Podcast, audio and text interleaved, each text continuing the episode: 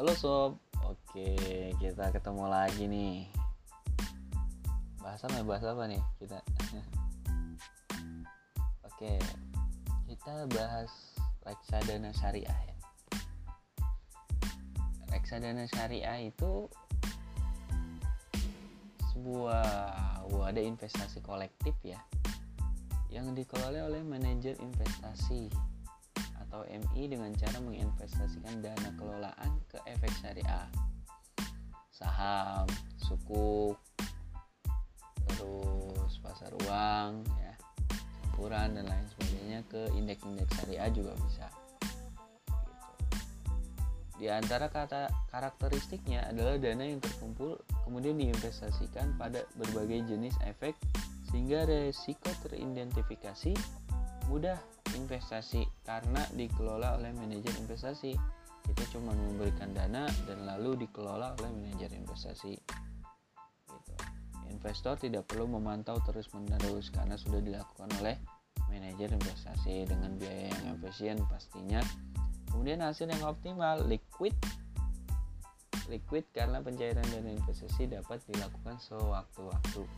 Jadi teman-teman uh, beda dengan saham kita yang ngelakuin trading sendiri gitu ataupun lain sebagainya yang mana hal tersebut butuh ilmu yang mumpuni gitu dan pengalaman yang cukup tentunya dalam menjalani kegiatan-kegiatan yang ada berkaitan dengan efek gitu tentang modal tentang ya reksadana halnya saham obligasi sukuk dan lain sebagainya. Namun di sini ada penawaran yang unik gitu kita masih tetap bisa memberikan pemodalan gitu ke mana gitu ke manajer investasi gitu. kita berikan mereka uang kita gitu. bahkan saat ini ada hanya 10.000 rupiah ya kita bisa untuk memberikan modal gitu. lalu si manajer investasi itu mengelolanya dengan penentuan saham-saham di tangan kita gitu jadinya kita misal ngebah membeli saham indeks syariah gitu. Harga berapa nih minimal pembeliannya? Misal ribu rupiah. Nah ribu rupiah atas nama kita. Lalu diproses kemudian ya sudah kita akan punya hak bagian gitu. NIP namanya. Net asset value nya itu ada atau NAB NAB nya ada sih yang dilakukan investor ketika melakukan reksadana investor hanya menerima laporan secara berkala dan dapat mengetahui hasil investasinya setiap saat sesuai dengan syariah hanya dapat diinvestasikan kepada efek syariah yang berlegalitas dan terjamin serta diawasi oleh otoritas jasa keuangan yakni otoritas yang ada di Indonesia. Tentunya uh, kita melihat reksadana syariah ini harus kita lihat nih atau kita tinjau dari usul fiknya. Pada surah An-Nisa ayat 29 Allah berfirman, "Hai orang-orang yang beriman, janganlah kamu saling memakan harta sesamamu dengan jalan yang batil, kecuali dengan jalan perniagaan yang berlaku dengan suka sama suka di antaramu." Kemudian ditambah dengan hadis Nabi yang artinya tidak boleh membahayakan diri sendiri dan tidak boleh pula membahayakan orang lain. Dan kemudian dikaitkan atau ditinjau dengan kaidah fikih yakni al aslu fil muamalati al ibah ma lam yadul dalilun ala tahrimiha. Pada dasarnya segala bentuk muamalah itu boleh dilakukan sepanjang tidak ada dalil yang mengharapkannya. Lalu makosid syariahnya itu apa nih? Karena keberagaman keahlian yang ada di dalam diri manusia ini membuat manusia mempunyai keanekaragam keahlian. Ya tentu saja gitu. Ada seorang yang bisa memberikan modal ada juga yang uh, apa namanya bisa memberikan usaha. Dia lihai atau mempunyai strategi yang sangat ahli dalam usaha atau sangat berpengalaman dalam usaha. Nah ini juga kita sama gitu. Dalam pihak pemodal atau investor dan juga manajer investasi itu sama-sama bekerja sama dalam permodalan gitu. Nah, dalam permodalan ini kita saling menguntungkan di, di antara keduanya gitu. Dan saat itu juga kita diuntungkan gitu. Karena pastinya yang tadi saya sebutkan di awal dalam menjadi manajer investasi ini memang butuh belajar, butuh ilmu yang panjang, yang rumit, yang sulit gitu dan mempunyai pengalaman yang cukup.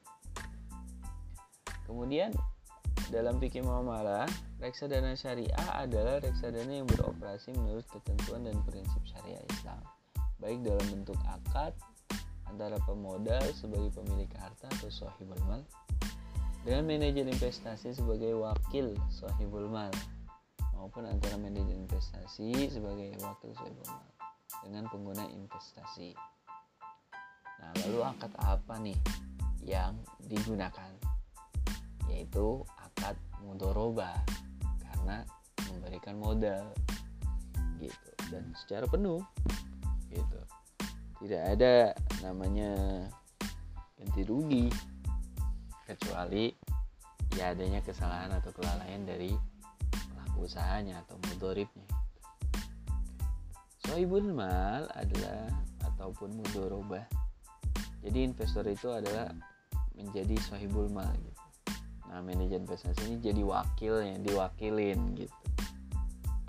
Nah akad mudorobah itu adalah suatu akad ataupun sistem di mana seseorang memberikan hartanya kepada orang lain untuk dikelola dengan ketentuan bahwa keuntungan yang diperoleh dari hasil pengelolaan tersebut dibagi antar kedua belah pihak sesuai dengan syarat-syarat yang disepakati oleh kedua belah pihak sedangkan kerugian ditanggung oleh sahibul mal sepanjang tidak ada kelalaian daripada mudorib. Seperti itu. Kemudian di regulasi ya. Regulasi fatwa DSN MUI nomor 20 tahun 2001 tentang pedoman pelaksanaan investasi untuk reksadana syariah.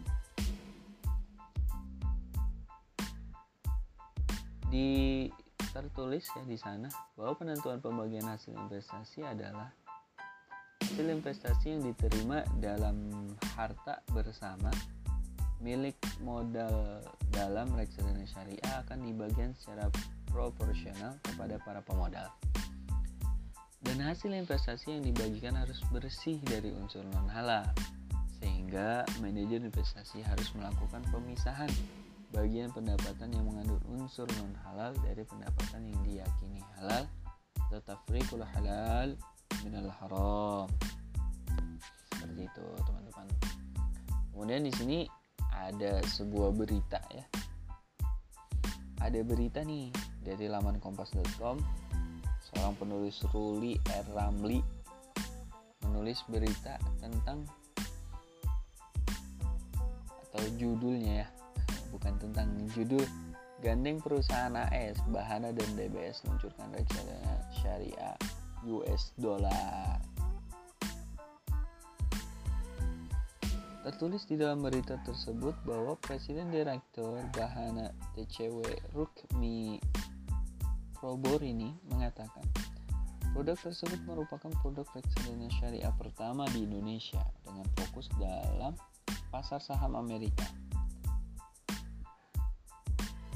yang terkonsentrasi pada sektor teknologi dan kesehatan. Ditambahnya, Bahana CCW melihat tingginya minat investor Indonesia untuk membeli aset berefek saham teknologi dan kesehatan global katanya dalam keterangan yang tertulis di sana. Kemudian di sini ada resiko-resiko apa saja sih yang ada di reksadana syariah? Ya di sisi lain sebagaimana instrumen pasar modal lainnya ya, reksadana syariah juga punya resikonya nih men. Yang pertama ada resiko berkurangnya nilai unit penyertaan Hal ini antara lain karena turunnya harga efek portofolio pastinya ya. Perubahan tingkat suku bunga, yang mengakibatkan fluktuasi pengembalian instrumen pasar uang dan prestasi dari bank atau penerbit surat bank harga serta force major. Kemudian yang kedua adalah risiko politik dan ekonomi. Risiko yang berasal dari perubahan kondisi dan kebijakan ekonomi dan politik yang berpengaruh pada kinerja bursa dan perusahaan sekaligus hingga akhirnya membawa efek pada portofolio yang dimiliki suatu reksadana. Kemudian yang ketiga, risiko likuiditas. Hal ini terjadi jika manajer investasi jika sebagian besar pemegang unit melakukan penjualan kembali. Jadi ketika penjualan kembali ini ya mungkin risiko likuiditasnya ini akan apa ya jadi tidak terlalu cair gitu. Karena banyaknya orang yang menjual menjual kembali kepada seorang manajer manajer investasi. Jadi itu teman-teman ya. Ya sob jadi reksadana syariah ini banyak ketentuan yang harus kita perhatikan di dalamnya gitu. Dan juga peran penting seorang entitas syariah nanti atau syariah compliance di dalamnya gitu kan. Seorang JSN MUI ataupun otoritas jasa keuangan dalam mengatur itu semua memang memiliki batasan-batasan sehingga kenyamanan lagi-lagi kenyamanan customer ataupun investor itulah yang diutamakan. Seperti itu